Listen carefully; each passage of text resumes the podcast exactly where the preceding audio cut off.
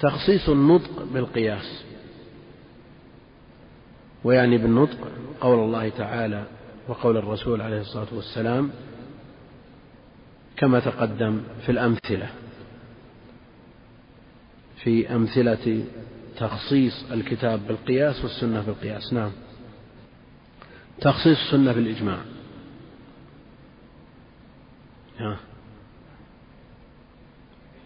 يعني إذا إذا خصصنا الكتاب بالإجماع وعرفنا أن المقصود دليل الإجماع فلن تخصص السنة بدليل الإجماع من باب أولى. نعم. كيف؟ أي؟ ها. يعني نصوص كثيرة جاءت في السنة ذكرها ذكر منها الترمذي حديثين. لكن هل هذا نقول باب التخصيص من باب النسخ؟ نعم. ذكر حديثين أجمع العلماء على عدم العمل بهم فيكون من باب النسخ. نعم. فهمت؟ ظاهر. إن الماء طهور لا ينجسه شيء. جاء عند البيهقي. وابن ماجه وغيرهما إلا إن تغير لونه أو طعمه أو ريحه بنجاسة تحدث فيه. لكن هذه الزيادة ضعيفة بالاتفاق. والمعول على تخصيص المتغير على الإجماع. نعم صالحين عندنا العموم والخصوص الوجهي. اللي هو أصعب أنواع التعارض في هذا الباب. ومثلنا له سابقا في المثال الأول. نعم؟ المثال الأول. الذين يتوفون منكم ويذرون أزواجا يتربصن بأنفسهن أربعة أشهر وعشرة. مع قوله تعالى ولاة الأحمال أجلهن يضعن حملهن. عموم وخصوص وجهي وعرفنا كيف نخرج من هذا التعارض. هذا بالنسبة للكتاب. عموم وخصوص وجهي بالنسبة للسنة.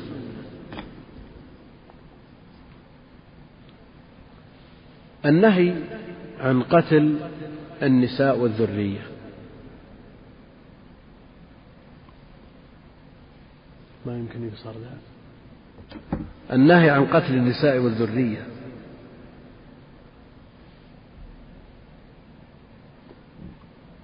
هذا عام شامل. عام شامل لكل النساء. يعني هو من وجه عام في النساء سواء كن مرتدات أو أصليات.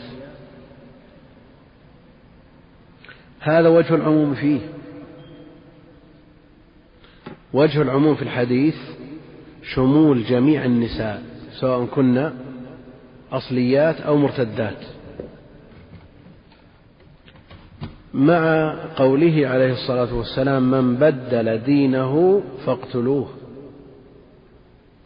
هذا يشمل الرجال والنساء لكنه خاص بالمرتدين.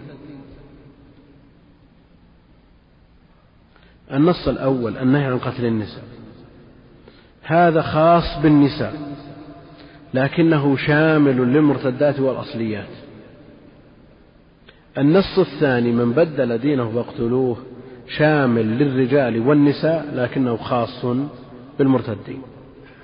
هذا عموم خصوص وجهه ماذا نصنع؟ ارتدت امرأة مثلا.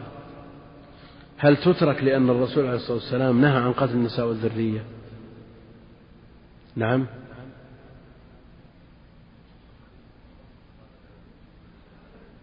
مخصص عموم النهي عن قتل النساء بحديث من بدل دينه فاقتلوه. لصاحب القول الآخر أن يقول الحديث الثاني من بدل دينه فاقتلوه مخصص بالنهي عن قتل النساء. وليس قول أحدهما أولى بالقبول من قول الآخر.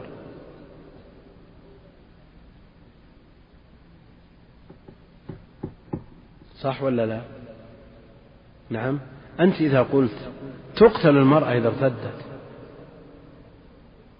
لأن من بدل دينه فاقتلوه خاص بالمرتدات بالمرتدين سواء كانوا رجال أو نساء. والنهي عن قتل النساء عام في كل امرأة آه، سواء كانت أصلية أو مرتدة. يقول لك يقول العكس يقلب عليك الدعوة. يقول نصي أخص ومعه حق. نعم. النسخ. اي لا لا أثر لا إن كان أحدهم منتقد لا لا. ما زلنا على قول الجمهور.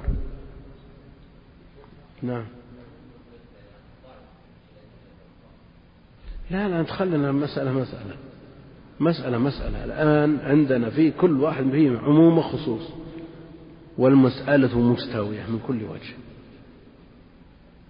لا نستطيع أن نحكم لخصوص أحدهما على عموم الآخر لأنه تحكم. إذا ماذا نصنع؟ نبحث عن مرجحات. نبحث عن مرجحات أخرى. فإذا أتينا إلى حديث من بدل دينه فاقتلوه.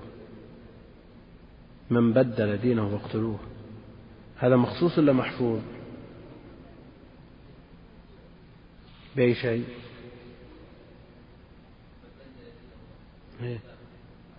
محفوظ إذا اجتنبنا إذا قلنا هذين النصين أبعدنا ما بينهم من تعارض. وإلا هو مخصوص. حول الدعوة الدعوة معنا أنه مخصوص بهذا الحديث. استبعد محل الخلاف. نعم. فنأتي إلى عموم حديث من بدل دينه فاقتلوه نجده محفوظ. نجده محفوظا. لم يرد عليه مخصص. حديث النهي عن قتل النساء. محفوظ ولا ما هو محفوظ؟ نعم. غير محفوظ. لماذا؟ قتل النساء. القصاص. نعم. إذا قتلت إذا زنت وهي محصنة إذا سحرت فقتلنا ثلاث سواحل. المقصود أن هذا العموم غير محفوظ فضعف. فقدم عليه عموم حديث من بدل دينه فاقتلوه فتقتل المرتدة. نأتي إلى مسألة هذه مسألة عملية لكن مسألة عملية أكثر منها. وإن كنا يعني طرقناها مرارا لكن ما يمنع أن نعيدها للمناسبة. أحاديث النهي عن الصلاة في أوقات النهي. ثلاث ساعات كان رسول الله صلى الله عليه وسلم ينهانا أن نصلي فيهن وأن نقبر فيهن موتانا. طلعت الشمس حتى ترتفع إذا بزغت الشمس حتى ترتفع وحين يقوم قائم الظهيرة وإذا تضيفت الشمس للغروب حتى تغرب. ثلاث ساعات. إضافة إلى الوقتين الموسعين. لا صلاة بعد الصبح حتى تطلع الشمس ولا بعد صلاة العصر حتى تغرب الشمس. فالأوقات خمسة. الأوقات خمسة. عندنا النهي عن الصلاة في هذه الأوقات الخمسة. وعندنا أحاديث ذوات الأسباب.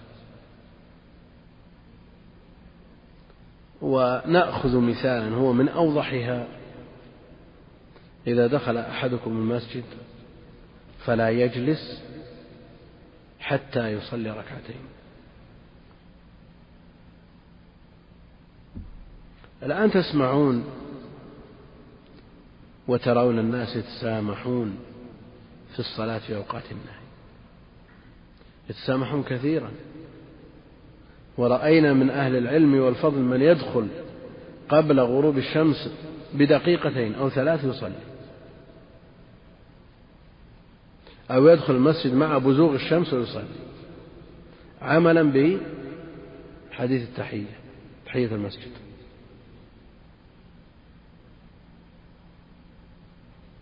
يتسامحون لماذا؟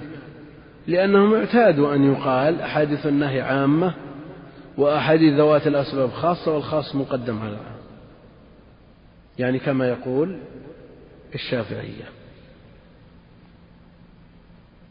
اعتاد الناس أن يقولوا مثل هذا الكلام. ووجد قبولا. وجد ارتياحا نفسيا. بعد أن أكد بعض من ينتسب إلى العلم وينبغي أن يؤكد لكن ليس على إطلاقه. نبذ التقليد. ناس رأوا الناس ملتزمين بمذهب معين فالثورة على التقليد نعم صار لها آثار صار لها ردود أفعال. التقليد بالنسبة للمتأهل لا يجوز. لكن هل يؤمر كل شخص بالاجتهاد؟ يعني جاءت هذه الدعوة وهي دعوة حق لا نقول هي باطلة لكن ليست لكل الناس. للمتأهل على العين والرأس فجاءت هذه الدعوة وصادفت محل الناس متمسك مذهب والمذهب يرى منع الصلوات في هذه الأوقات؟ بل يتشددون في مثل هذا الأمر. حتى رأينا من يحرف الذي يريد أن يصلي يحرفه عن القبلة. فالمسألة صارت من باب ردود الأفعال وإلا لو بحثت بحثا مبسوطا ما ما صار لها مثل هذه الآثار. نأتي إلى المسألة. فعندنا حديث عقبة وما جاء في معناه من النهي عن الصلاة في أوقات النهي. وعندنا الأمر بصلاة ركعتين قبل أن يجلس. إذا دخل أحدكم المسجد فلا يجلس حتى يصلي ركعتين.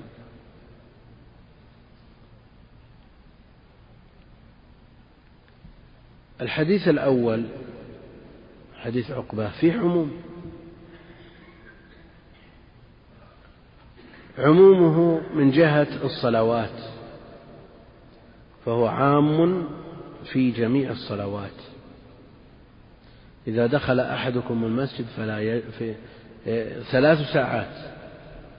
كان رسول الله صلى الله عليه وسلم ينهانا أن نصلي فيهن. أي صلاة؟ هذه الصلوات لا تصلى في هذه الأوقات سواء كانت فرائض مقضية أو مؤدات نوافل مطلقة أو مقيدة.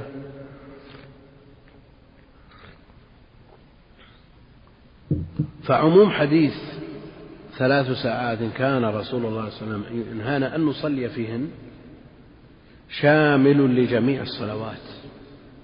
فعمومه من هذه الحيثية. وخصوصه في هذه الأوقات.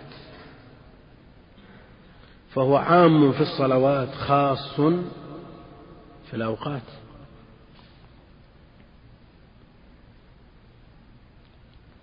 النصوص الأخرى التي هي نصوص ذوات الأسباب عمومها في الأوقات خصوصها في الصلوات. هل نستطيع أن نوفق بين هذه النصوص كما وفقنا في آيتي العدة في أول الأمر؟ يمكن. هل نقول يمكن حمل عموم أحدهما على خصوص الآخر؟ عندنا العموم والخصوص وجهي وليس بمطلق. وأولئك الذين إذا دخلوا في أوقات النهي وصلوا قالوا الخاص مقدم على العام. فإذا قال الشافعي مثلا أحاديث النهي عامة في الصلوات وأحاديث ذوات الأسباب خاصة والخاص مقدم على العام للحنفي والمالكي والحنبلي على كل حال وقول الجمهور. للحنفي والمالكي والشافعي أن يقول العكس. له أن يقول العكس. أحاديث ذوات الأسباب ومنها تحية المسجد عامة جزاك الله خير عامة في الأوقات وأحاديث النهي خاصة بهذه الأوقات والخاص مقدم على العام كلامه صحيح ولا مو صحيح؟ نعم. كلام الأول صحيح. وكلام الثاني صحيح. لكن كل منهما نظر إلى النصوص من زاوية وأهمل الزاوية الأخرى. وعلى المنصف أن ينظر إلى النصوص من جميع الزوايا. لأنه إذا قال الشافعي أحاديث النهي عامة وأحاديث ذوات الأسباب خاصة نقول كلامك صحيح. لكنه بالنسبة لإيش؟ للصلوات. وأنت لم تنظر إلى العموم والخصوص في الأوقات فيعارضه قول من يقول أحاديث ذوات الأسباب خاصة عامة في الأوقات وأحاديث النهي خاصة بهذه الأوقات. فالنصوص متكافئة. ولا يمكن تخصيص عموم أحد الطرفين بخصوص الآخر. الدعوة التي أثيرت قبل ربع قرن حول التقليد ونبذ التقليد. وصادفت محل متهيئ وهي في جملتها دعوة طيبة أعادت الناس إلى الالتزام بالدليل. وصادفت أيضا آه، مجتمعات تقدم آراء الرجال على النصوص وصار لها ردود أفعال. واكب ذلك أيضا دفعه كون شيخ الإسلام رحمه الله يوافق الشافعية وشيخ الإسلام شيخ الإسلام يعني ما حد نعم. فكأن الناس صار كأن هذه المسألة صارت قضية مسلمة لا يمكن النقاش فيها. وأن مذهب الحنابلة والحنفية والمالكية خطأ لا يحتمل الصواب هذا كلام صحيح.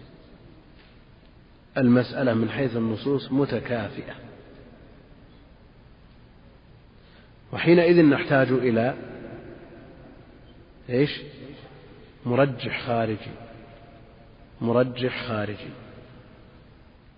بما يرجح الشافعية قولهم بما يرجح الشافعية قوله في تقديم أحاديث ذوات الأسباب على أحاديث النهي. بكثرة المخصصات. نعم. عموم أحاديث النهي غير محفوظ دخله مخصصات. مخصص بالفرائض. نعم. بالفرائض سواء كانت مؤداة أو مقضية. وأيضا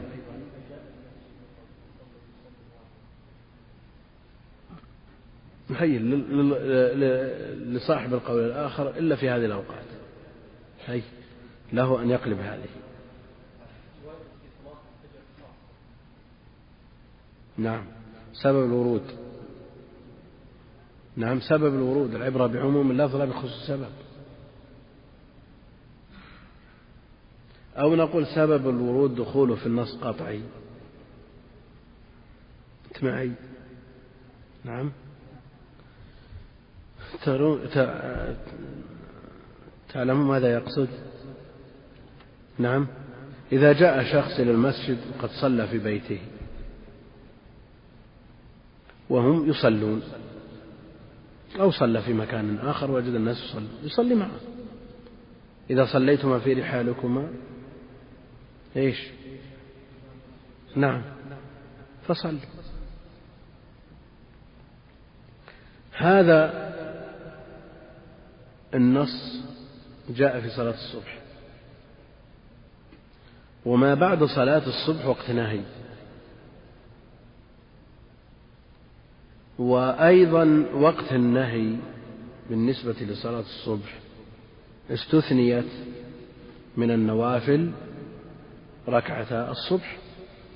على كل حال أحاديث النهي دخلها من المخصصات الشيء الكثير فعمومها ليس بمحفوظ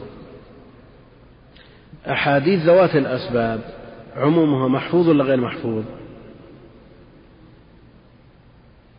نعم.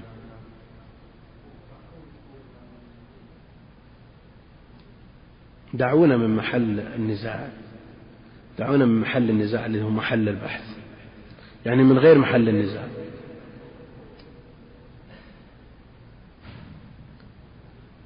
الشافعية يرجحون قولهم بأن عموم أحاديث ذوات الأسباب محفوظ وعموم أحاديث النهي غير محفوظ. وللطرف الآخر أن يرجح بأي شيء؟ بأن الحظر مقدم على الإباحة. إذا نهيتكم عن شيء فاجتنبوه. إذا أمرتكم بأمر فأتوا منه ما استطعتم. فالحظر هنا مقدم المنع مقدم على الأمر بالصلاة.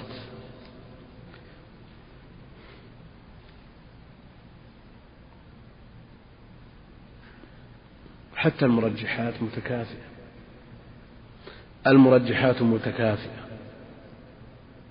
ولهذا قرر جمع من أهل العلم أن هذه المسألة من عضل المسائل.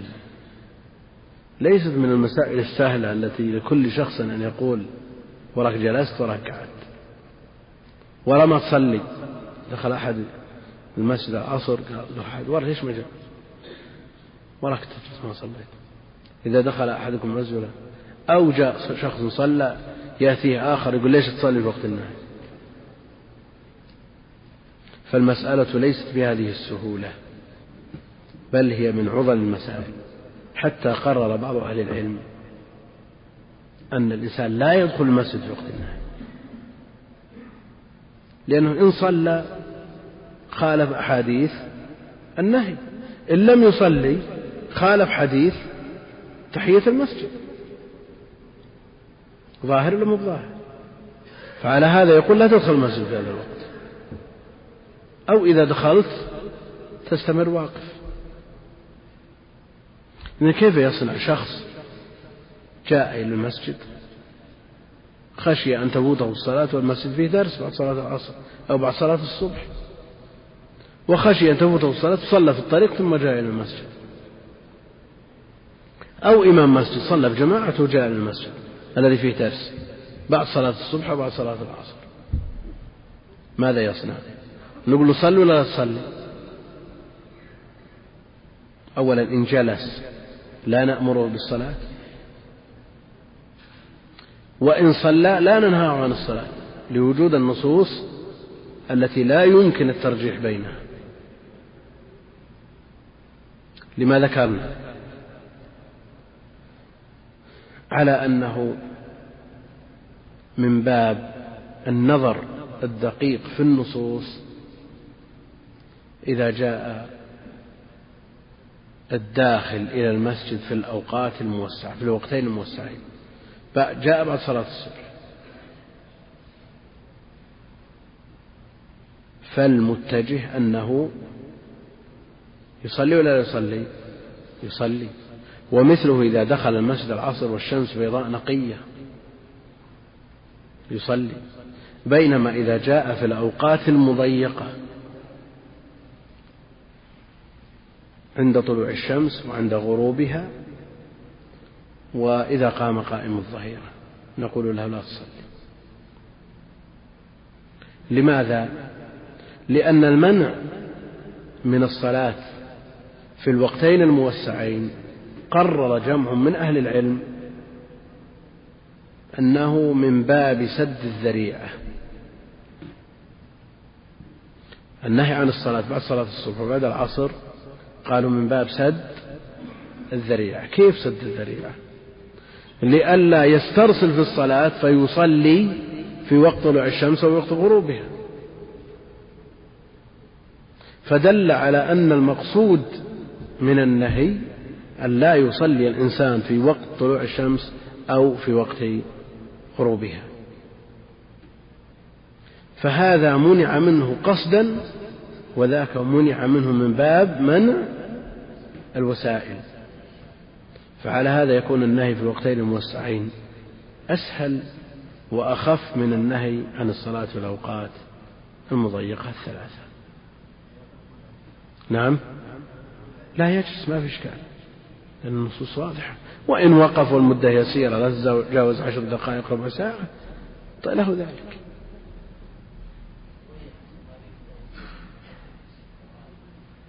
هو يبدو ربع ساعة الظاهر ما يزيد. يبدو ربع ساعة. إذا دخل والشمس بيضاء نقية يصلي. إذا دخل بعد صلاة الصبح أذن له أن يصلي راتبة قبل الصبح بعد الصبح. فدل على أن الأمر في الساعة الرسول عليه الصلاة والسلام قضى صلاة راتبة الظهر بعد صلاة العصر. نعم. فدل كثير من السلف أثر عنهم أن يصلون بعد العصر. فدل على أن النهي والمنع من الصلاة في الوقتين الموسعين إنما هو من باب منع الوسائل لا المقاصد لئلا يسترسل ويستمر يصلي حتى يضيق الوقت. ترى مسألة عملية ويحتاجها كل أحد.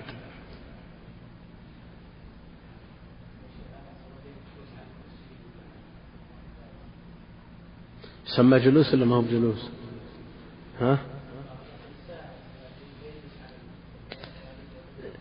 هو إذا كان الوقت ضيق ولا يتحمل مثلا آه، الوقوف لا مانع أن يصنع مثل هذا لأنه له أن يجلس.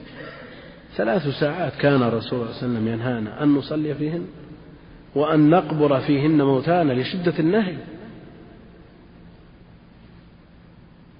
لشدة النهي. ولذا يورد بعضهم على الأوقات الخمسة لماذا لا تصير ثلاثة ابتداء. من طلوع الفجر إلى ارتفاع الشمس تصير واحد. ليش نقسمها اثنين؟ وقت الزوال ومن صلاة العصر إلى غروب الشمس. ليش نقسمها اثنين؟ تصير ثلاثة. وهي كذلك على سبيل الإجمال. لكن بسطت لماذا؟ لماذا قالوا ثلاثة؟ لأنها تختلف. خفة وقوة وتختلف أيضا من جهة أخرى وهي أن الوقتين الموسعين النهي عن شيء واحد وهو إيش؟ الصلاة فقط. والنهي عن والنهي في الأوقات الثلاثة المضيقة عن نعم عن شيئين الصلاة وعن آه، قبر أن نقبر فيهن موتانا وإن كان بعضهم يقول المراد بقبر الموتى الصلاة على الجنازة. فيها غموض المسألة ولا؟ نعم. نعم. نعم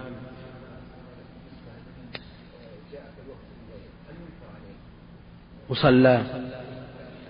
مشكلتنا أنه القول الآخر يعني ملغى من كل وجه. لكن لو أشير عليه يعني لو جاء في وقت موسع وصلى ما ينكر عليه جلس ما ينكر عليه لأن كل منهم ما هو نص.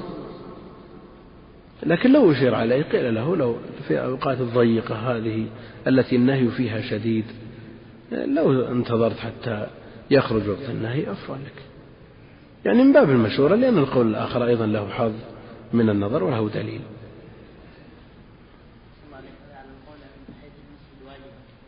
لا ما هو على قول بوجوبها. على قول أنها جماهير أهل العلم على أنها سنة.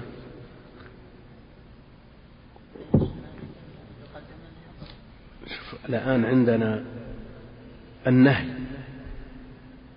هل هو للتحريم أو للكراهة؟ وعندنا الأمر بتحية المسجد. هل هو الوجوب الاستحباب كلاهما يتجاذب ما يتجاذب. الخلاف بين أهل العلم. اختلفوا في النهي هل هو للتحريم أو للكراهة؟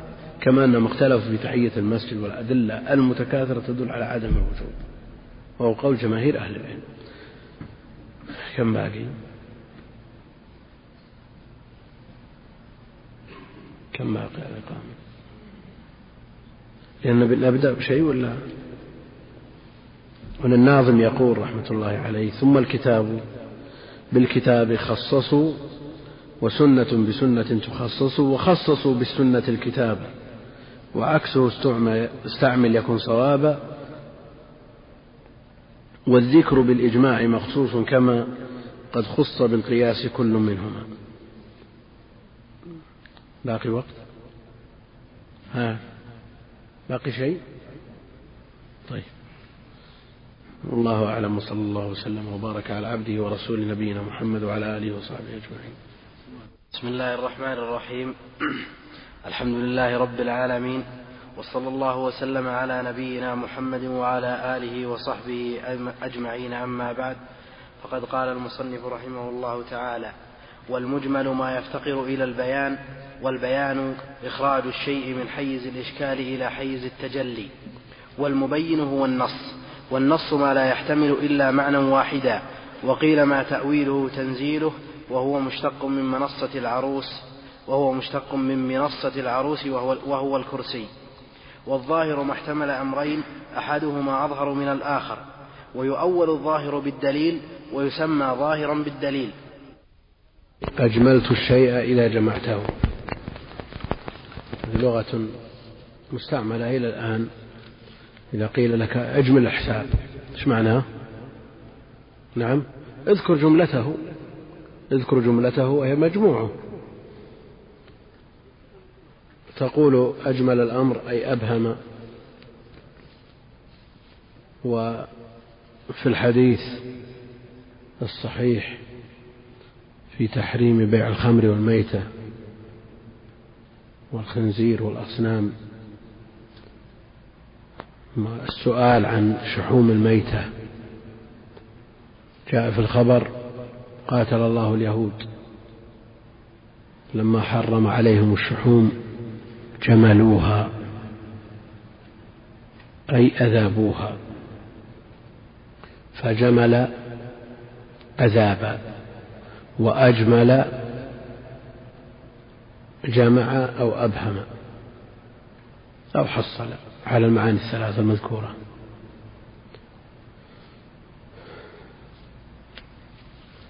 ما علاقة الثلاثي بالرباعي؟ جمل وأجمل بينهما علاقة. جملوه أذابوه. نعم. جملوه أذابوه. هل يفهم من الإذابة معنى الجمع أو الإبهام أو التحصيل؟ نعم كان التحصيل أقربها.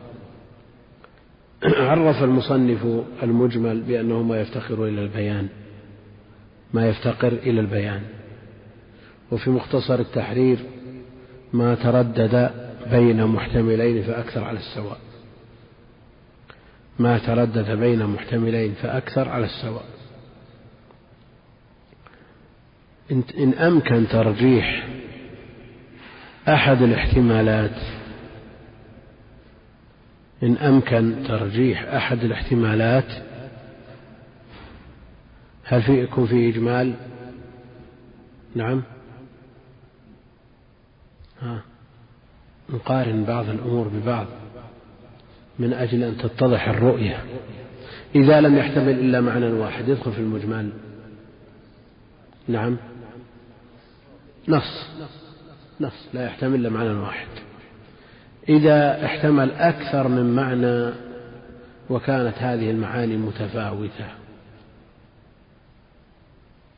الاحتمال الأقوى يسمى الظاهر والأضعف. نعم. وإذا احتملهما على السواء إجمال. إجمال. فما تردد بين محتملين فأكثر على السواء هذا هو المجمل. فإن أمكن ترجيح أحدهما على الآخر انتفى الإجمال. يعني كما يقال في الحديث إذا روي على أوجه مختلفة متساوية نعم فهو إيش؟ إذا روي الحديث على أوجه مختلفة متساوية. نعم؟ مضطرب. فإذا أمكن ترجيح بعضها على بعض انتفى الاضطراب. وهنا إذا أمكن ترجيح أحد الاحتمالات على بعض انتفى الإجمال. وحينئذ يكون الراجح هو الظاهر والمرجوح هو إيش؟ المؤول. إذا وجدنا لفظ أو نص بهذه الصفة نص من كتاب أو سنة بهذه الصفة يحتمل الأمرين على السواء. فحينئذ نعمل بأي المعنيين؟ نعم. نتوقف. لأن عملنا بأحد الاحتمالين المستويين دون مرجح. إيش؟ تحكم. تحكم. فلا بد من المرجح. وإذا وجد المرجح انتفى الإجمال.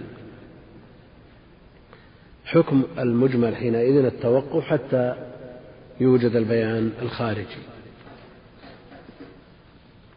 يقول المجمل ما يفتقر إلى البيان والبيان إخراج الشيء من حيز الإشكال إلى حيز التجلي والمبين هو النص. أسباب الإجمال أسباب الإجمال ذكروا لأسباب الإجمال أسباب منها عدم معرفة المراد عدم معرفة المراد للاشتراك في الدلالة. كالقرء القرء متردد بين الطهر والحيض. وقد جاء في اللغة ما يدل على هذا وما يدل على ذاك. فنحتاج حينئذ إلى مرجح.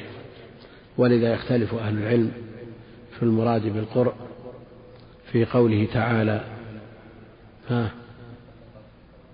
بأنفسهن ثلاثة قروء. فذهب بعضهم إلى أن الأقراء المراد بها الحيض وذهب آخرون إلى أن المراد الأطهار.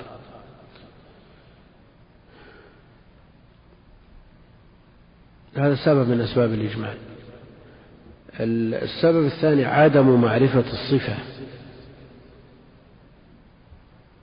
كما في آية الحج وآية الزكاة والصلاة الآيات المجملة فيها. أقيموا الصلاة. يعني لو لم ينزل في الصلاة إلا هذه الآية أقيموا الصلاة. كيف نقيم الصلاة؟ نحتاج إلى بيان لأن اللفظ مجمل. وسبب ذلك عدم معرفة الصفة. آتوا الزكاة. نفس الشيء. ولله على الناس حج البيت من استطاع إليه سبيلا. كيف نحج نعم هناك حج موروث قبل نزول الآية لكن هل يجزئ حجا شرعيا؟ نعم. النبي عليه الصلاة والسلام ثبت أنه حج قبل فرض الحج عليه. نعم. بدليل نعم. نعم رؤية في عرفة نعم رؤية في عرفة ما الذي رآه؟ نعم. حينما أضل بعيره وجده في عرفة وتعجب من كونه عليه الصلاة والسلام في عرفة ومن الحمص. وهذا في الصحيح. وجبير بن مطعم في حجة الوداع مسلم ما يتعجب من كون النبي عليه الصلاة والسلام في عرفة فدل على أن هذه حجة قبل فرض الحج. على كل حال حصل البيان بيان الصلاة بفعله عليه الصلاة والسلام وبقوله. حصل بيان الزكاة بقوله ذكر الشروط وذكر الأنصبة اشتراط الحول كل هذا حصل. وأنواع ما يزكى. حصل بيان الحج بفعله عليه الصلاة والسلام وقوله وثبت عنه عليه الصلاة والسلام أنه قال صلوا كما رأيتموني أصلي. وصلاته بيان للمجمل حجه وأفعاله التي أداها في المناسك بيان للمجمل. وهكذا.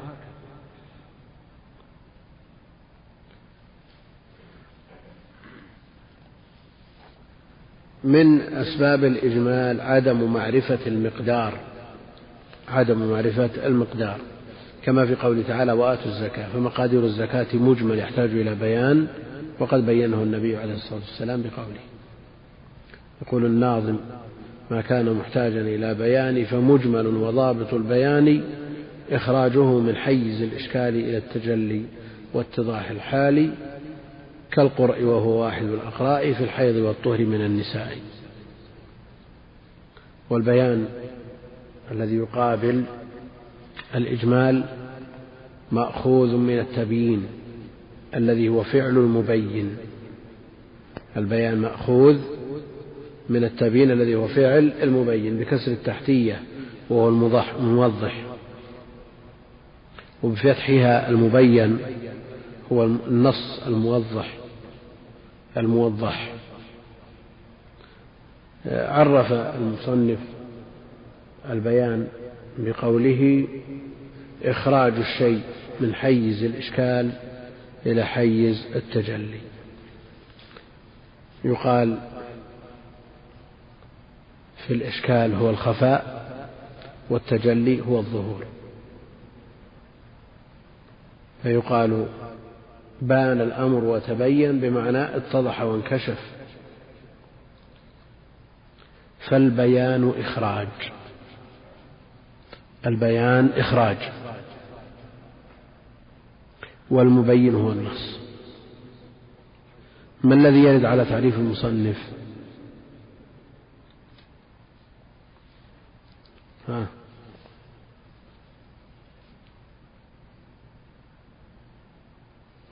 يرد عليه النصوص البينة التي لا تحتاج إلى بيان. هل جميع النصوص في أول الأمر مجملة تحتاج إلى بيان؟ أو فيها ما لا يحتاج إلى بيان؟ نعم. في أمور واضحة لا تحتاج إلى بيان. فعندنا مجمل ومبين.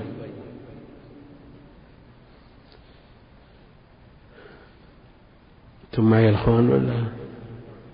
فقول المصنف البيان إخراج الشيء من حيز الإشكال إلى حيز التجلي أورد عليه بعضهم أنه لا يشمل التبيين ابتداء قبل تقرير الإشكال لأنه ليس فيه إخراج من حيز الإشكال إلى حيز التجلي. هذا إيراد عن المؤلف. لكن هل يمكن أن يرد على المؤلف أو لا يرد؟ تأملوا.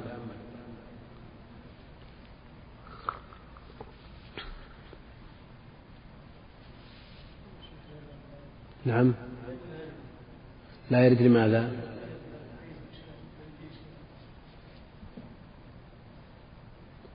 نعم الآن هل المؤلف يعرف المبين مطلقا أو يعرف البيان للمجمل؟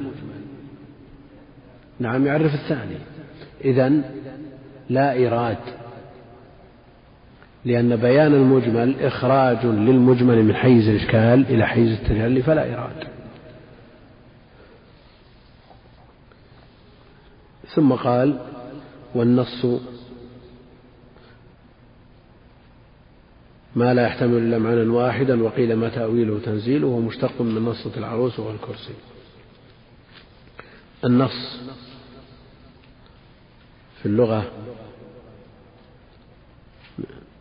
الظهور مشتق كما قال المؤلف من منصة العروس وهو الكرسي الذي تنص عليه العروس أي ترفع لتظهر للناظرين. والعروس يقال للرجل والمرأة معا هذا عروس وذاك عروس. هذه عروس وهذا عروس. زيد عروس ودعد عروس.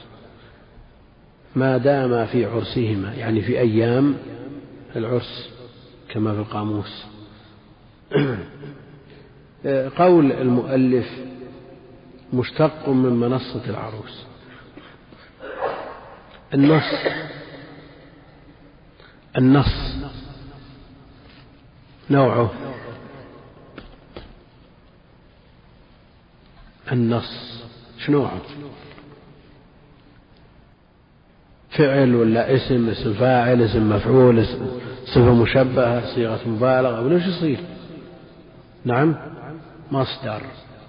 يقول النص مشتق من منصة العروس. إذا قررنا أنه مصدر المصدر أصل ولا مشتق؟ أصل. أصل وليس بمشتق. وهنا يقرر أنه مشتق من منصة العروس. وفي قوله مشتق من منصة العروس مسامحة يعني تجوز. لأن المصدر لا يشتق من غيره على الصحيح بل غيره يشتق منه. فالمنصة مشتقة من النص.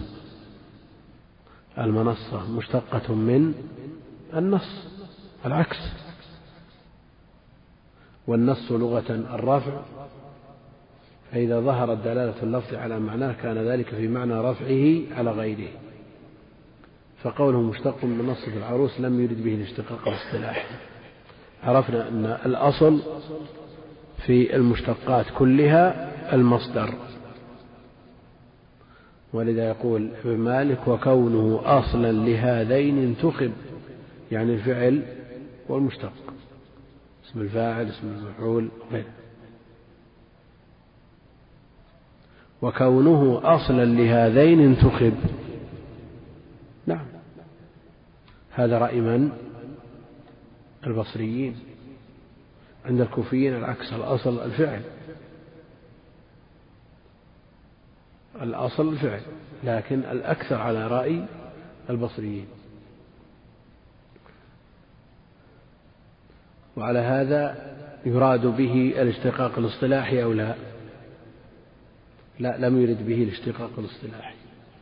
وإنما أراد مجرد الاشتراك في المادة. أراد مجرد الاشتراك في المادة. نظيره ها قول الفقهاء في البيع إنه مشتق من الباع لأن كل واحد من المتبايعين يمد باعه. هل يريدون بهذا الاشتقاق الاصطلاحي؟ البيع مصدر. نعم. هل يريدون بهذا الاشتقاق الاصطلاحي لا إنما هذا تجوز مسامح يريدون بذلك مطلق الاشتراك في أصل المادة. في أصل المادة. وإلا فالأصل أن المصدر هو أصل الجميع. عرف المصنف النص اصطلاحا بقوله ما لا يحتمل إلا معنى واحدا. هذا النص.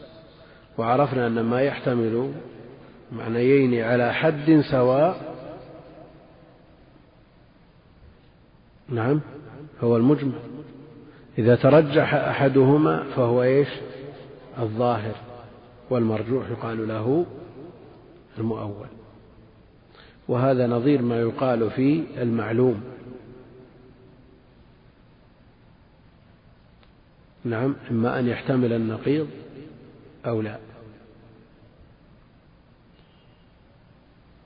والذي لا يحتمل النقيض إما أن يكون مع احتمال مساو أو راجح أو مرجوح فالذي لا يحتمل النقيض هو العلم والذي يحتمله مع رجحان الاحتمال يقال له الظن ومع المرجوحية يقال له الوهم والمساواة يقال لها الشك. هذا قريب منه جدا.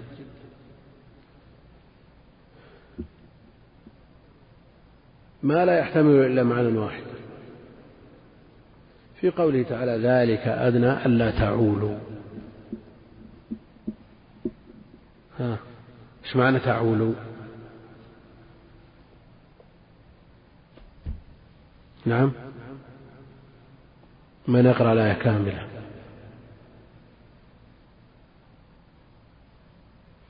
ها. نعم.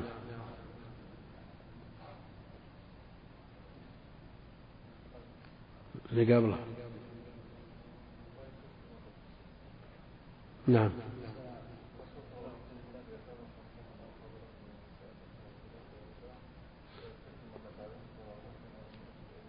ذلك أن لا تعولوا إيش معنى تعولوا وقيل يكثر عيالكم. نعم.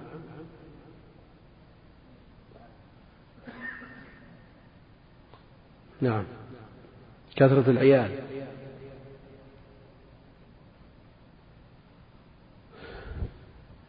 شو المعنى الصحيح في الآية؟ الآية محتملة لمعنيين المعنى الذي يراه الإمام الشافعي. معناه ولا تفتقروا كثرة العيال. لا تتزوج إلا واحدة إلا يكثر أولادك فتفتقر. والمعنى الثاني ألا تميلوا.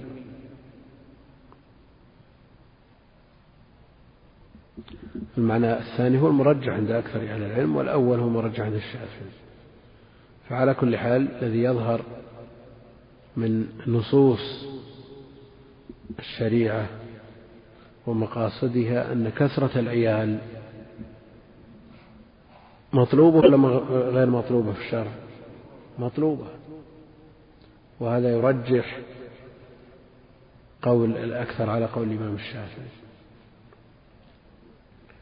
ما لا يحتمل إلا معنى واحدا. وقيل ما تأويله تنزيله. يعني مجرد ما يسمع يفهم.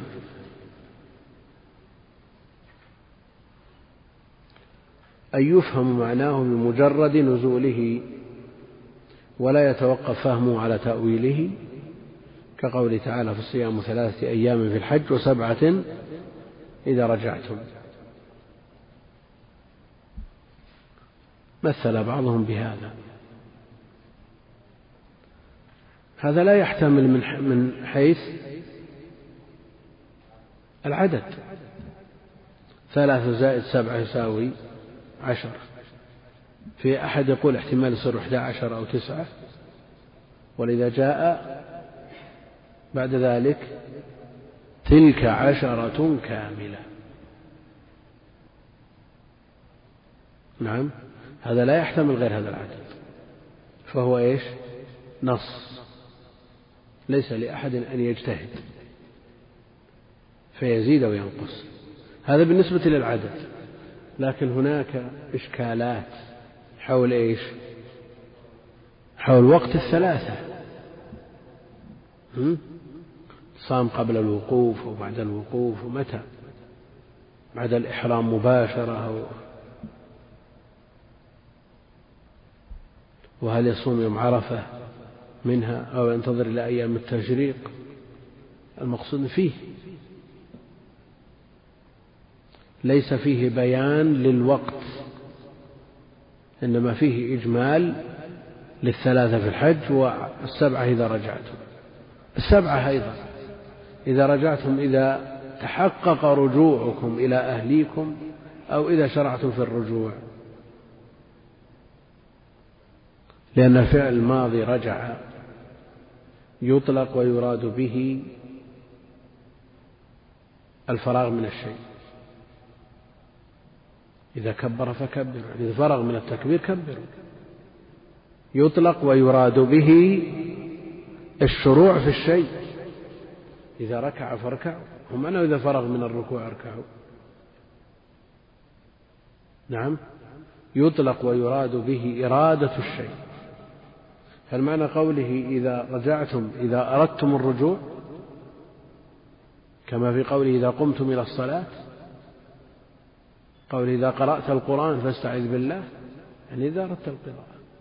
فهل معنى إذا رجعتم مثل هذا إذا أردتم الرجوع؟ نعم هذا إجمال. فيمكن أن يمثل بالآية الواحدة للمجمل وللمبين. نعم للنص وللظاهر في آن واحد مع انفكاك الجهة.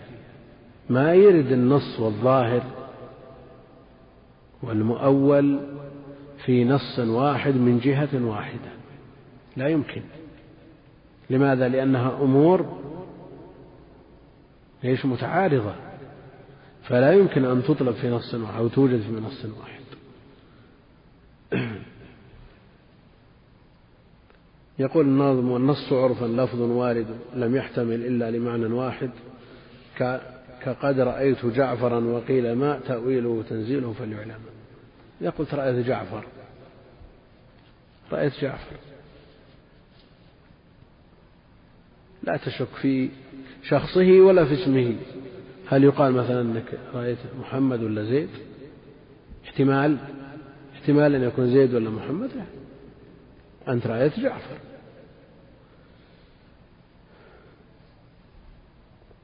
ثم قال رحمه الله والظاهر محتمل أمرين. أحدهما أظهر من الآخر ويؤول الظاهر بالدليل ويسمى ظاهرا بالدليل. إيش معنى هذا؟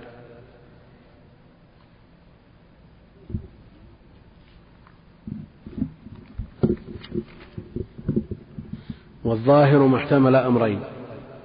أحدهما أظهر من الآخر ويؤول الظاهر بالدليل ويسمى ظاهرا بالدليل. عرفنا أن الاحتمال الراجح من المعاني هو إيش؟ الظاهر والمرجوح المؤول. وعرفنا أن ما يحتمل هو المجمل وما لا يحتمل هو النص. الظاهر عرفوه في اللغة بأنه الواضح. وقال بعضهم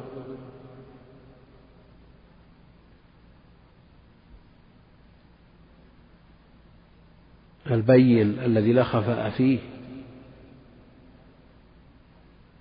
وعرفه المؤلف اصطلاحا بأنه ما احتمل أمرين أحدهما أظهر من الآخر. عندنا الأسد. إذا قلت رأيت أسدا كم الاحتمالات الواردة في هذه اللفظة؟ ها؟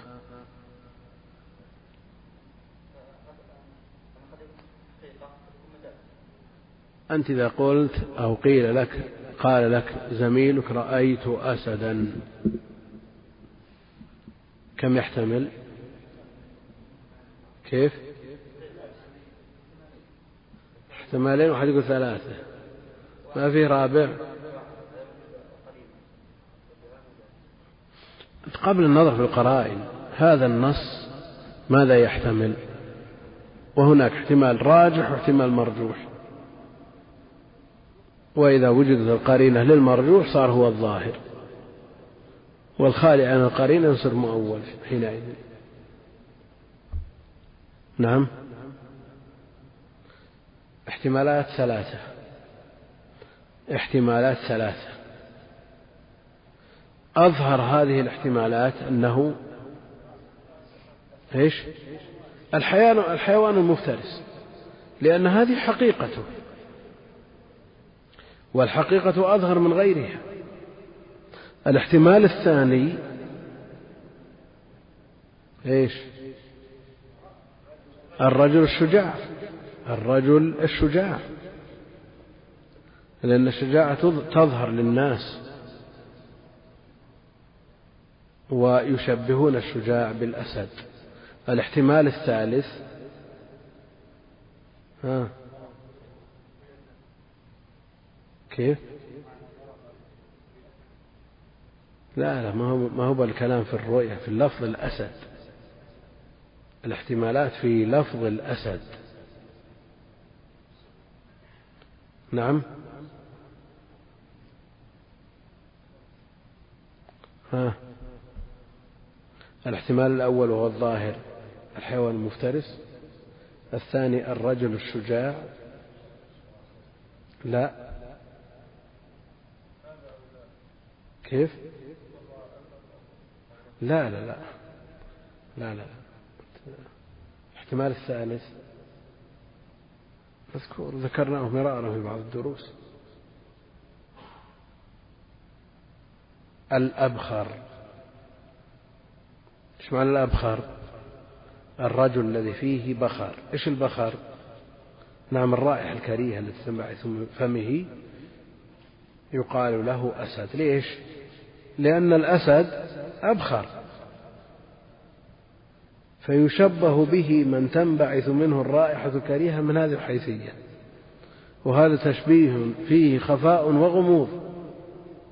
فالتشبيه بالأسد في الشجاعة والقوة أظهر من التشبيه به في الرائحة. فعندنا ثلاثة احتمالات. احتمال أقوى والاحتمال الثاني مرجوح لكنه أرجح من الاحتمال الثالث.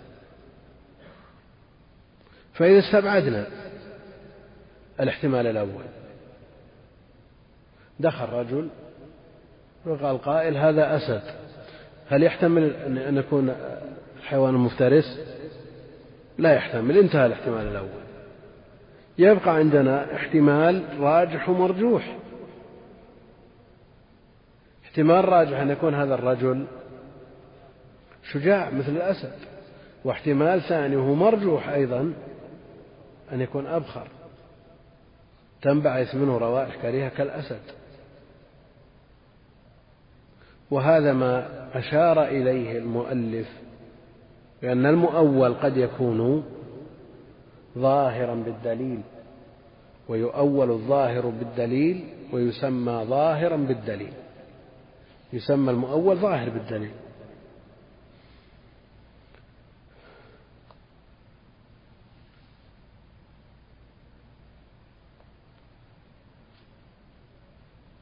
إذا عندنا الظاهر كما قال المؤلف هو الاحتمال الأرجح والمؤول الاحتمال المرجوح. لكن في النصوص ما الواجب في تفسير النصوص؟ حملها على على الظاهر حملها على الظاهر. ولا يلجأ إلى الاحتمال المرجوح إلا لدليل لا يحمل على الاحتمال المرجوح إلا لدليل يقتضيه. يمنع من إرادة الحقيقة هو الظاهر. إذا وجد دليل يمنع فلا بأس من حمله على المعنى المرجوح. وهذا الاحتمال المرجوح هو الذي سلكه المبتدعة في تأويل الصفات. فبمثل قوله جل يد الله فوق أيديهم.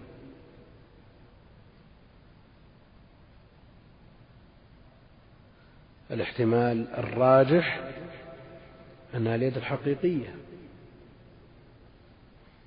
التي تليق بالله عز وجل والاحتمال المرجوح أنها النعمة أو القوة أو القدرة.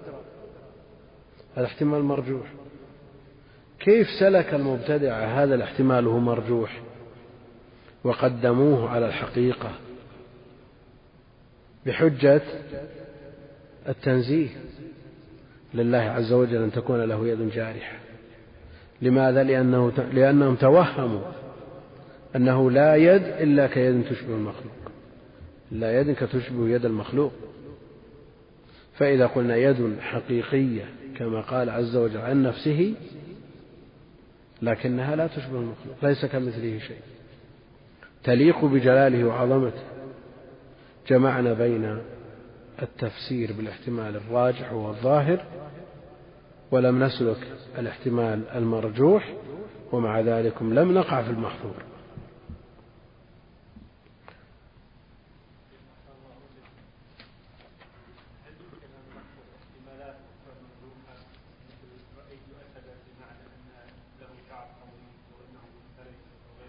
المقصود فيه شبه وجه شبه من من الأسد. إذا وجد فيه وجه شبه من الأسد لا بأس نعم. ولذلك الألقاب. الألقاب عند أهل الحديث وغيرهم من من صنوف العلم يوجد في كتب التراجم بحث يقال له الألقاب وفي كتب مستقلة للألقاب. نزهة الألباب في الألقاب وغيرهم كتب تجد الشخص يلقب بأدنى مناسبة. يلقب بأدنى مناسبة.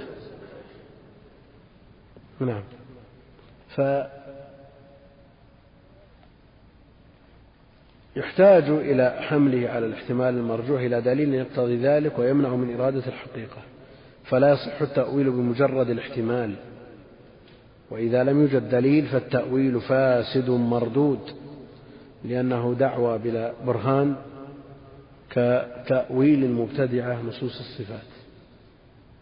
وإذا وجد الدليل المقتضي للتأويل صار ظاهرا بسبب الدليل.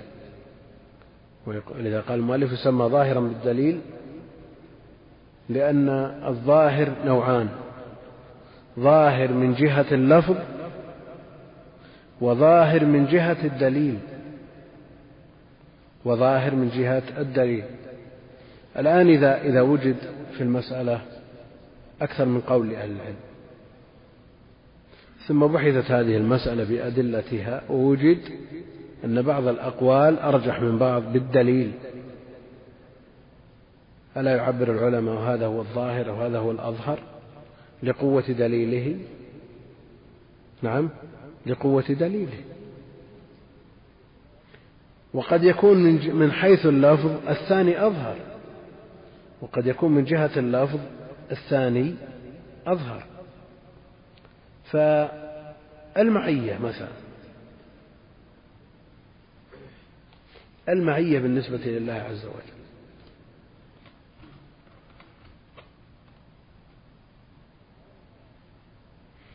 الاحتمال الراجح هو طرد نصوص الصفات على ظاهرها مع نفي توهم التشبيه هذا القاعدة المضطردة عند السلف قاطبة في جميع الصفات المعية قال أهل العلم إن منها معية النصر والتأييد وهي المعية الخاصة والمعية العامة هي معية إيش؟ العلم لا تحزن إن الله معنا يعني بنصره وتأييده معية خاصة.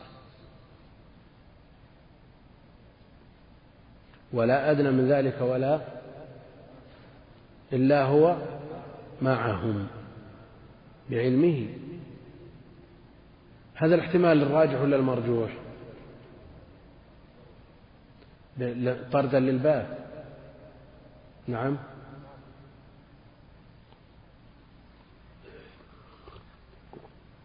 نقرر المسألة على أصولها. هذا الاحتمال الراجح ولا الاحتمال المرجوح.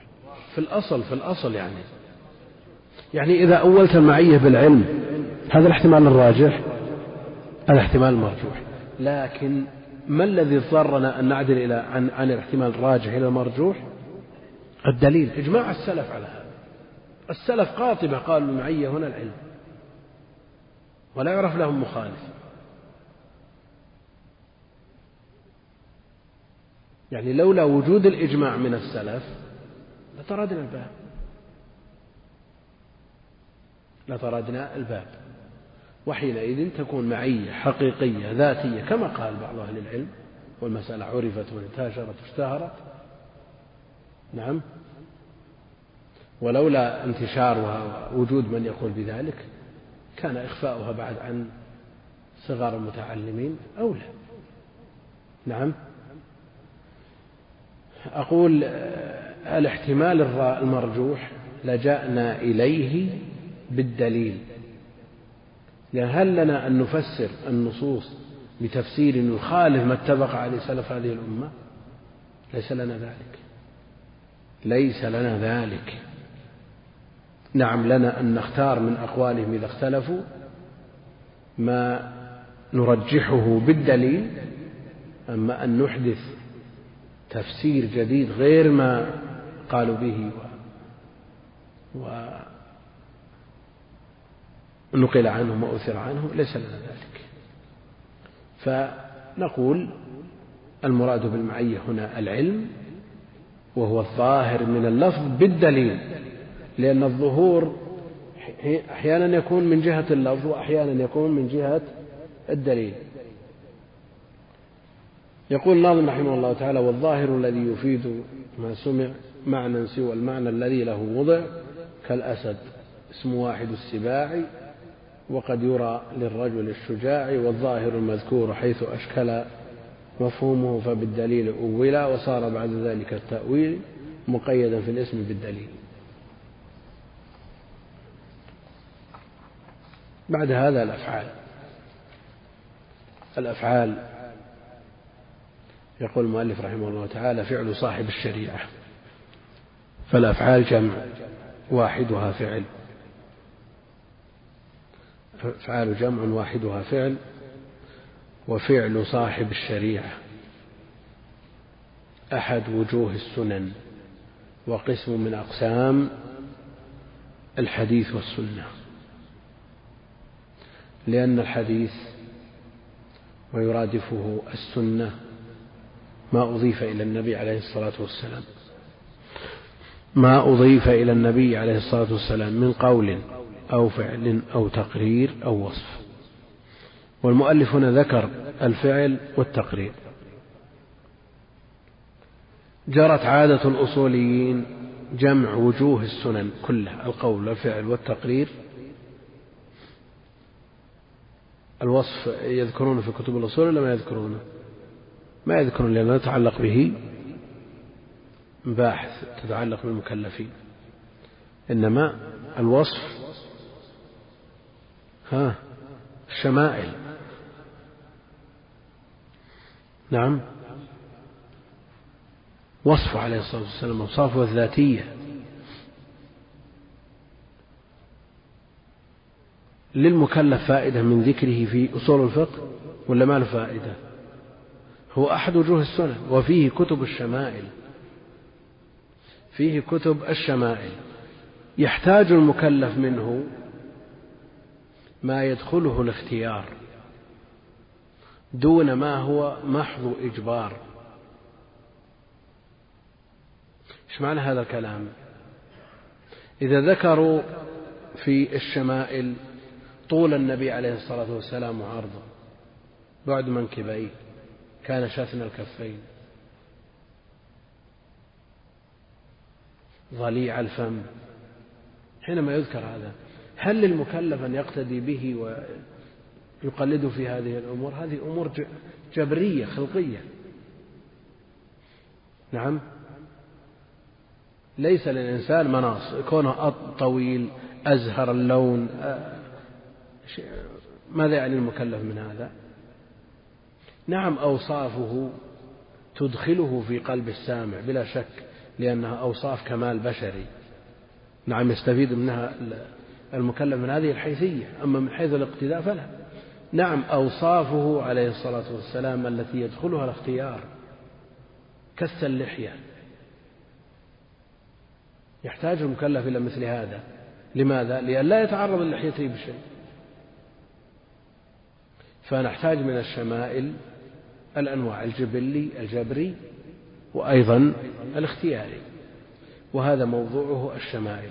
عندنا القول هو الأصل في الباب وهو الذي له العموم كما قرر أهل العلم والفعل كما قالوا لا, عموم فيه لأن العموم من خواص القول.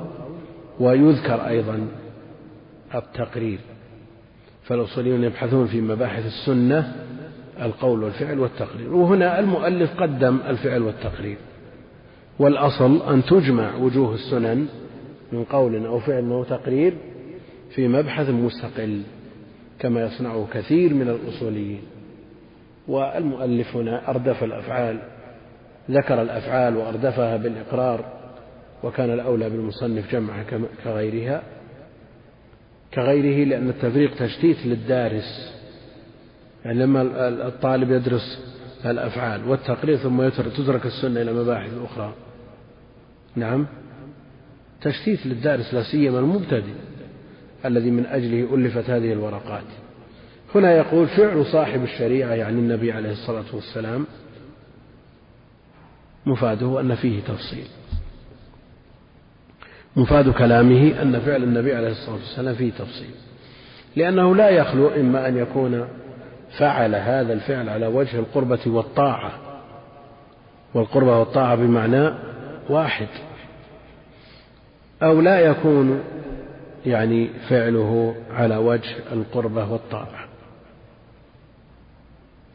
إن كان النبي عليه الصلاة والسلام فعل فعمل هذا العمل متقربا به إلى الله عز وجل هذا له حكم. إذا كان فعله لا على وجه التقرب والطاعة هذا له أيضا حكم. فإن كان على وجه القربة والطاعة فلا يخلو. إما أن يدل الدليل على كونه من خصائصه عليه الصلاة والسلام أو لا يدل الدليل على الاختصاص. فإن دل الدليل على كونه من الخصائص لا بد من الدليل للحكم بالخصوصية. إن دل الدليل على كونه من الخصائص كجمعه بين أكثر من أربع نسوة ووصاله بين في الصيام حمل على ذلك. نقول هذا خاص بالنبي عليه الصلاة والسلام. وجاء في قضاء صلاة فائتة راتبة الظهر بعد صلاة العصر ما يدل على أنه من خصائصه. فإذا دل الدليل قلنا هذا خاص بالنبي عليه الصلاة والسلام. ولا نقتدي به فيه.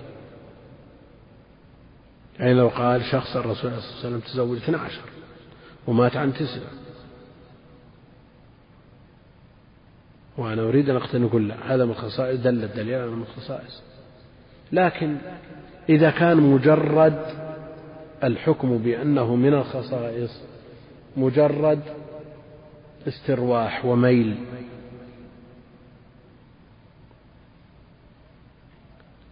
ودفع تعارض بين نصوص. هل يكفي أن يحكم بأنه من الخصائص؟ أو لا بد أن يدل الدليل على أن هذا من الخصائص؟ فمثلا كشف الفخذ في الصحيح من حديث أنس حسر النبي عليه الصلاة والسلام عن فخذه.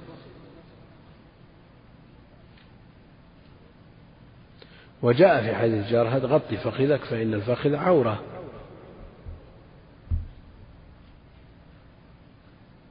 نعم. قالوا حسن الفخذ من خصائصه عليه الصلاة والسلام. بدليل أنه أمر غيره بتغطية الفخذ. يكفي لأن يحكم بأن هذا من الخصائص. يكفي مثل هذا الرفع التعارض بين النصين أن نقول هذا من الخصائص أو لا يكفي. نعم.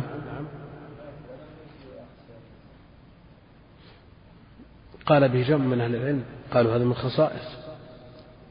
لرفع التعارض بين النصوص. نقول تغطية الفخذ أكمل أو حسره أكمل بالنسبة للبشر. أيهما أكمل؟ نعم التغطية أكمل الستر أكمل. كل كمال يطلب من الأمة النبي عليه الصلاة والسلام أولى به لا يمكن أن يتصور أن يطلب من الأمة كمال أكمل من نبيها عليه الصلاة والسلام. ظاهر ولا ظاهر؟ يعني حينما يقال في النهي عن استقبال الكعبة واستدبارها ببول أو غائط جاء النهي لا تستقبلوا ولا تستدبروا ولكن شرقوا أو غربوا فيأتي حديث ابن عمر قبل أن يقبض النبي عليه الصلاة والسلام بعام ويرى النبي عليه الصلاة والسلام يقضي حاجته مستدبر الكعبة. يقول بعضهم هذا من خصائصه عليه الصلاة والسلام. النهي للأمة وهو له أن يفعل ذلك. نقول احترام وتعظيم شعائر الله كالكعبة. كمال ولا نقص؟ كمال إذا النبي عليه الصلاة والسلام أولى به. وإن قال بعض أهل العلم أن هذا من خصائص ظاهر ولا مو ظاهر؟ إذا نذهب نبحث عن جمع آخر في النصين. وهكذا.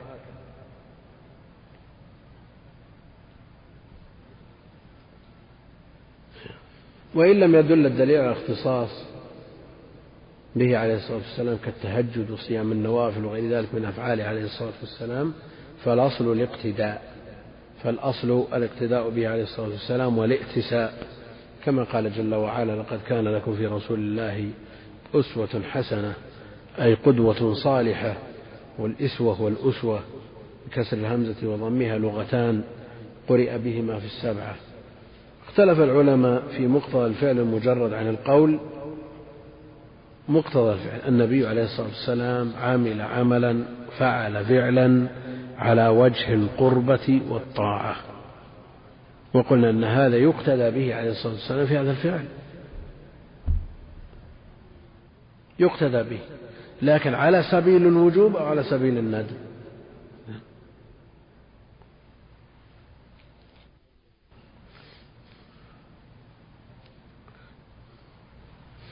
إذا فعل النبي عليه الصلاة والسلام فعلا على سبيل التقرب إلى الله عز وجل والطاعة.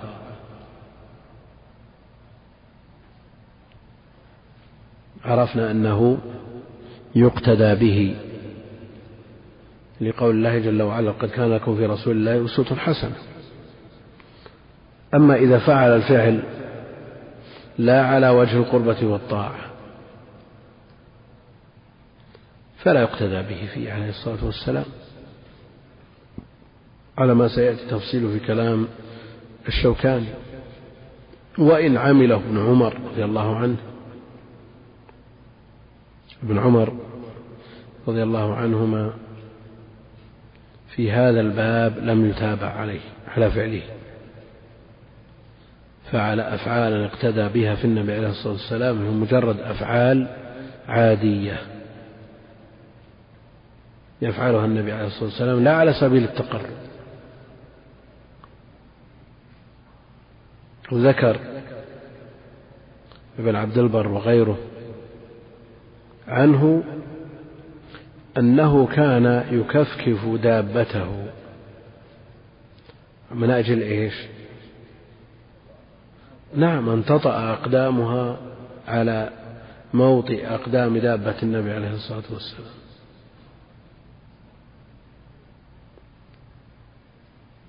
هذا من شدة اقتدائه وأتسائه بالنبي عليه الصلاة والسلام لكنه لم يوافق على ذلك. لم يوافق على ذلك. أي مكان يبيت فيه أو يجلس فيه النبي عليه الصلاة والسلام يذهب إليه ويجلس فيه. وكبار الصحابة علماؤهم فقهاؤهم سلف الأمة قاطبة لم يفعلوا مثل هذا الفعل. فدل على أنه ليس من محل للائتساء ولا الاقتداء. على كل حال إذا كان فعله عليه الصلاة والسلام على سبيل القربة والطاعة هو الذي يهمنا هل اقتداؤنا به على سبيل الوجوب واللزوم أو على سبيل الاستحباب؟ العلماء اختلفوا في مقتضى الفعل المجرد عن القول فذهب جمع من أهل العلم إلى أنه يحمل على الوجوب في حقه صلى الله عليه وسلم وفي حقنا. لأنه الأحوط. فعل النبي عليه الصلاة والسلام فعل متقربا به إلى الله عز وجل لا بد أن تفعل.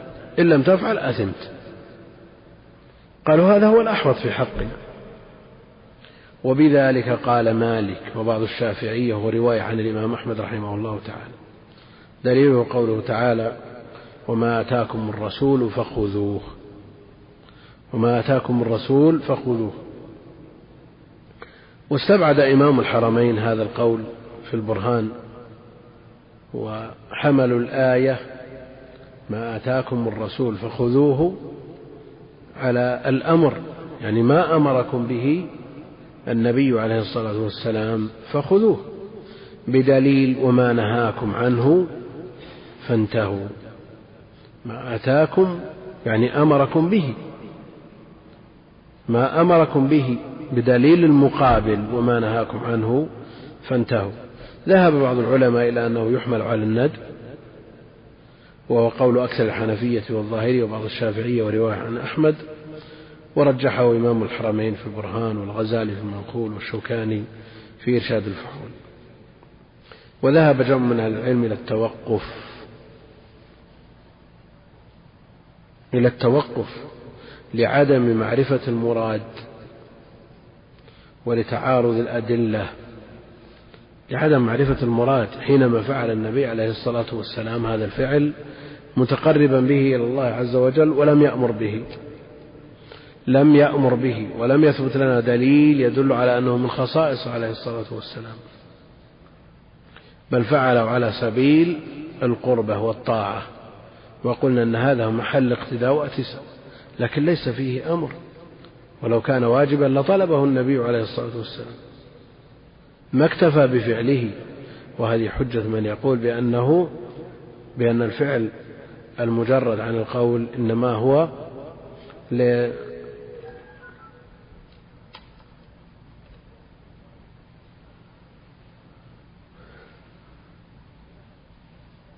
إنما هو للندب. وذهب بعض أهل العلم إلى التوقف لعدم معرفة المراد. بعض أهل العلم يقول نتوقف. لا ندري هل هو للوجوب أو للندب صرنا ما ندري نفعل ولا ما نفعل؟ يقول نتوقف حتى نجد ما نجد دليلا يدل أنه للوجوب أو يدل على أنه للندب لكن أقل الاحتمالات أنه على الندب. والندب مطلوب الفعل أو مطلوب الترك؟ مطلوب الفعل. إذا لا وجه للتوقف هنا. لا وجه للتوقف هنا. ولذا يقول الشوكاني وعندي أنه لا معنى للوقف في الفعل الذي قد ظهر فيه قصد القربة. لا معنى عندي للوقف في الفعل الذي قد ظهر فيه قصد القربة فإن قصد القربة يخرجه عن الإباحة. يخرجه عن الإباحة إلى ما فوقها. والمتيقن والمتيقن مما فوقها الندب يقول شيخ الإسلام ابن تيمية رحمه الله تعالى وما فعله النبي صلى الله عليه وسلم على وجه التعبد فهو عبادة. وما فعله النبي صلى الله عليه وسلم على وجه التعبد فهو عبادة. يشرع التأسي به فيه. فإذا خص زمانا أو مكانا بعبادة كان تخصيصه تلك العبادة سنة. هذا كلام شيخ الإسلام. وإن كان فعله عليه الصلاة والسلام على وجه القربة والطاعة على غير وجه القربة والطاعة انتهينا من ما يقصد به التقرب من قبله عليه الصلاة والسلام. جاء الاحتمال الثاني. الاحتمال الثاني وهو فعل النبي عليه الصلاة والسلام لا على وجه القربة والطاعة كالقيام والقعود والأكل والشرب والنوم هذا يحمل على الإباحة في حقه وفي حقنا. ويستوي في ذلك الأفعال الجبلية التي منها القيام والقعود والأكل والشرب وما فعله عليه الصلاة والسلام موافقا للعادات للعادات لسمونها التقاليد كلباسه عليه الصلاة والسلام فكلها من نوع المباح الآن الألبسة الألبسة ما يتعبد بها أو هي راجعة إلى الأعراف والتقاليد. نعم. إيه، ما ورد فيه النص بعده يعني ما ورد النص بتحديده. نعم. كلونه وطوله هذا عبادة. لا يجوز أن نتعدى. وما لم يرد فيه النص يرجع فيه إلى العرف. ولذا لم يغير النبي عليه الصلاة والسلام لباسه عن لباس قومه.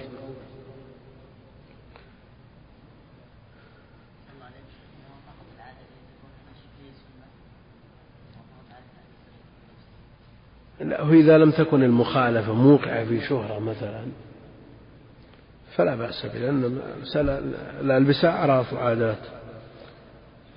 نعم.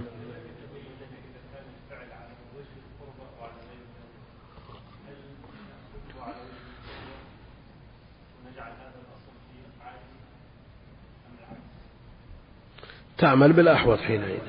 حينئذ تعمل بالأحوط. ما لم يوقعك هذا الاحتياط في فعل محظور أو يجر إلى محظور أو يجرك إلى ترك مأمور. حينئذ تعمل بالأحوط. ما لم يجرك هذا الاحتياط إلى فعل محظور أو ترك مأمور وحينئذ يكون الاحتياط في ترك هذا الاحتياط. علم ما ذكره المصنف انحصار أفعاله عليه الصلاة والسلام في الوجوب والندب والإباحة فلا يقع منه صلى الله عليه وسلم محرم. لا سيما بعد البعثة لأنه معصوم ولا مكروه ولا خلاف الأولى. على خلاف في ذلك فإن خلاف الأولى آه، وقع ولا ما وقع؟ يفعل خلاف الأولى لبيان الجواز.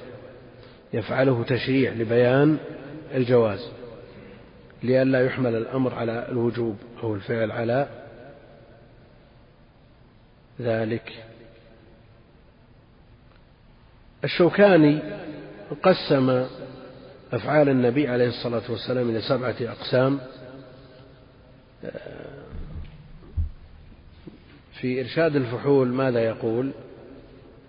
يقول البحث الرابع في أفعاله صلى الله عليه وسلم.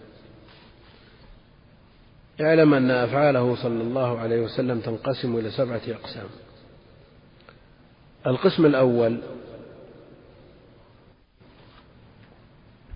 ما كان من هواجس النفس والحركات البشرية كتصرف الأعضاء وحركات الجسد فهذا القسم لا يتعلق به أمر باتباع ولا نهي عن مخالفة وليس فيه أسوة ولكنه يفيد أن مثل ذلك مباح.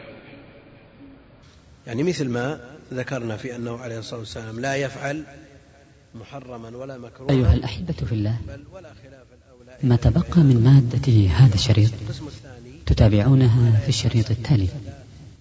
مع تحيات إخوانكم في تسجيلات الراية الإسلامية بالرياض والسلام عليكم ورحمة الله وبركاته.